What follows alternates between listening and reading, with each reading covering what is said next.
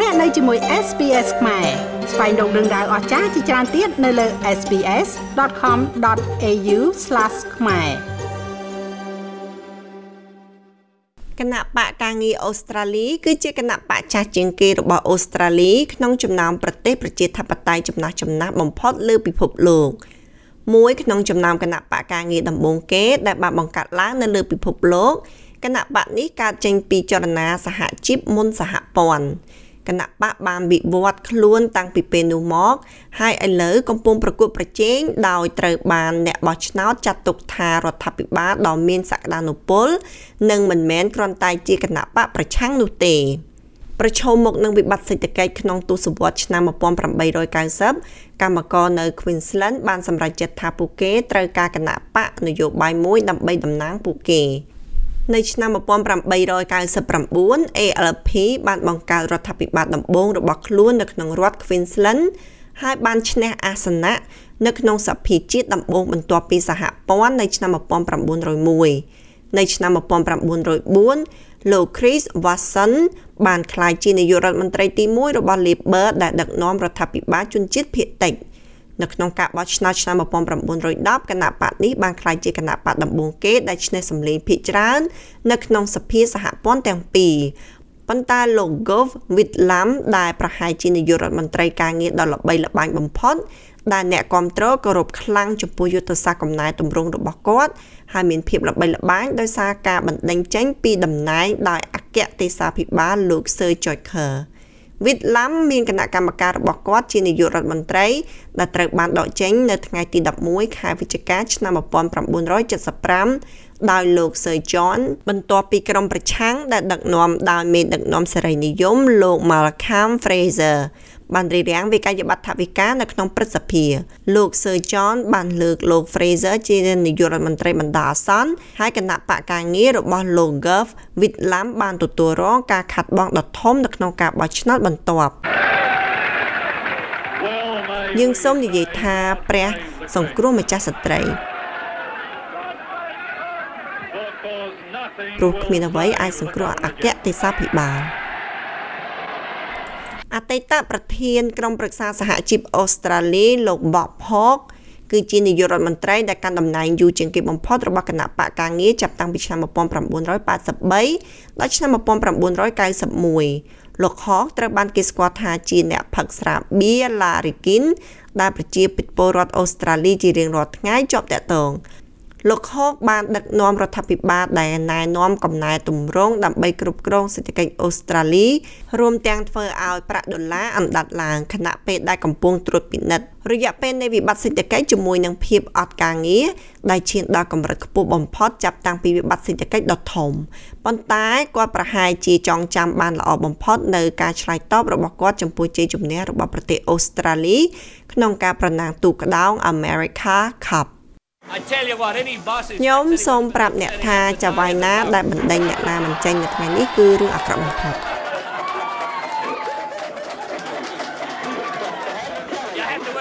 អ្នកត្រូវ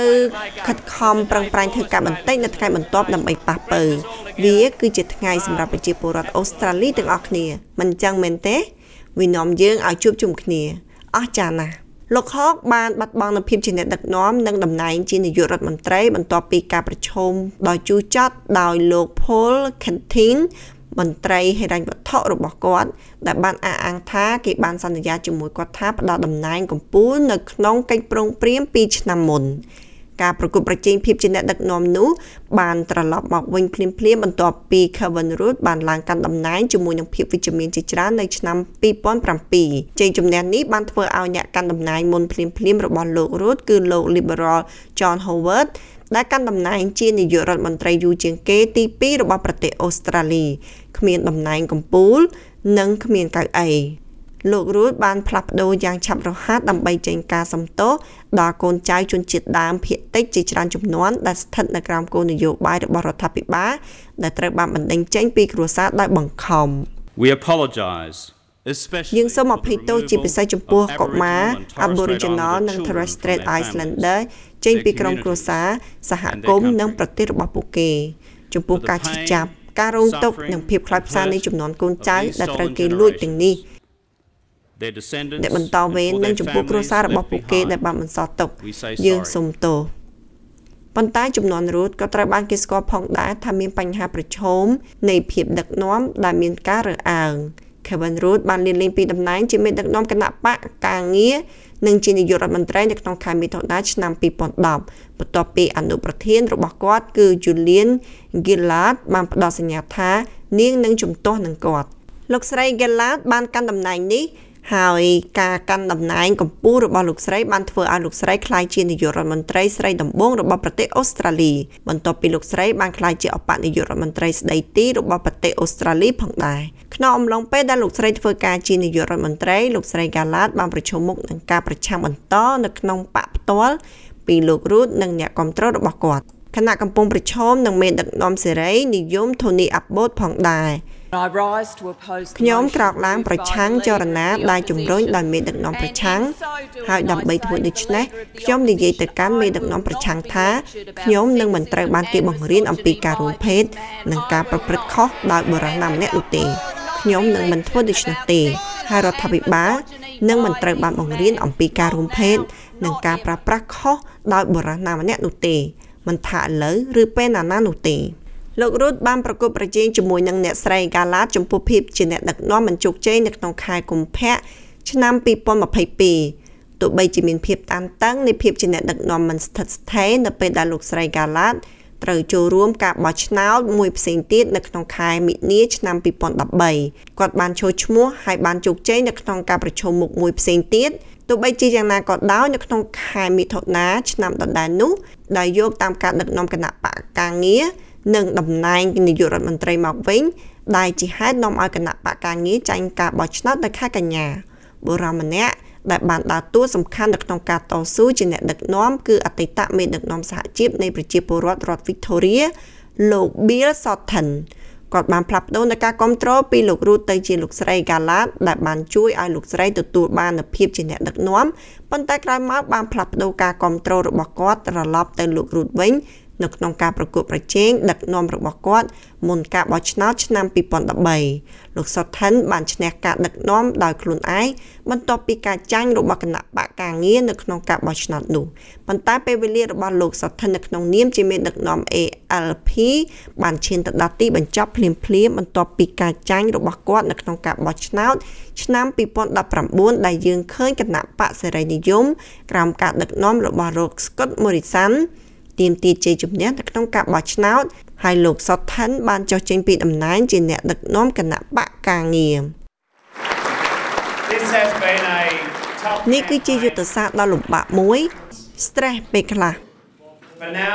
ប៉ុន្តែឥឡូវនេះការប្រកួតប្រជែងបានបញ្ចប់យើងទាំងអស់គ្នាមានទំនួលខុសត្រូវក្នុងការគោរពលទ្ធផល គោរពការចង់បានរបស់ប្រជាពលរដ្ឋអូស្ត្រាលីនិងដើម្បីធ្វើឲ្យប្រជាជាតិរបស់យើងមានសាមគ្គីភាព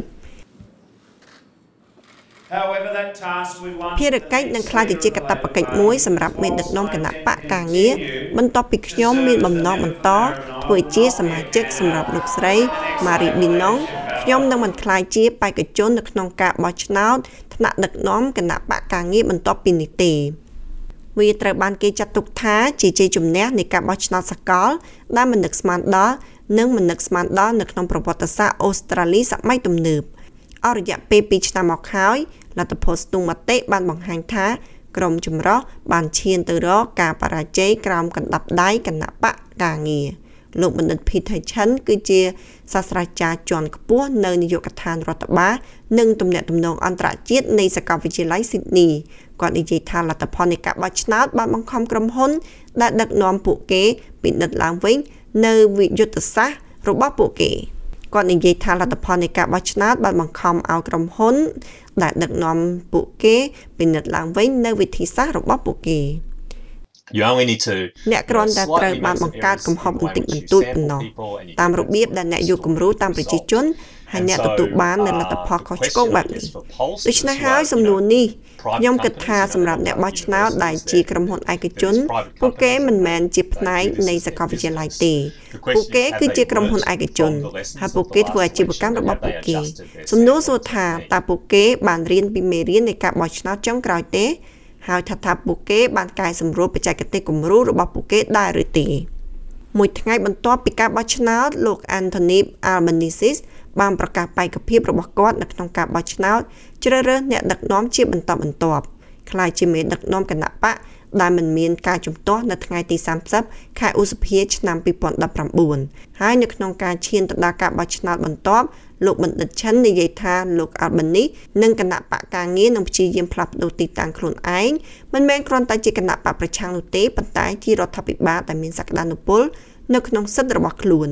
បញ្ហាប្រឈមផ្សេងទៀតដែលលោកបណ្ឌិតឈិននិយាយថាសម្រាប់គណៈបកការងារ គឺការព្យាយាមដើម្បីឈ្នះការបោះឆ្នោតនៅថ្នាក់ជាតិនិងសកលលោកដែលអាចប្រឈមនឹងហានិភ័យជាងធម្មតា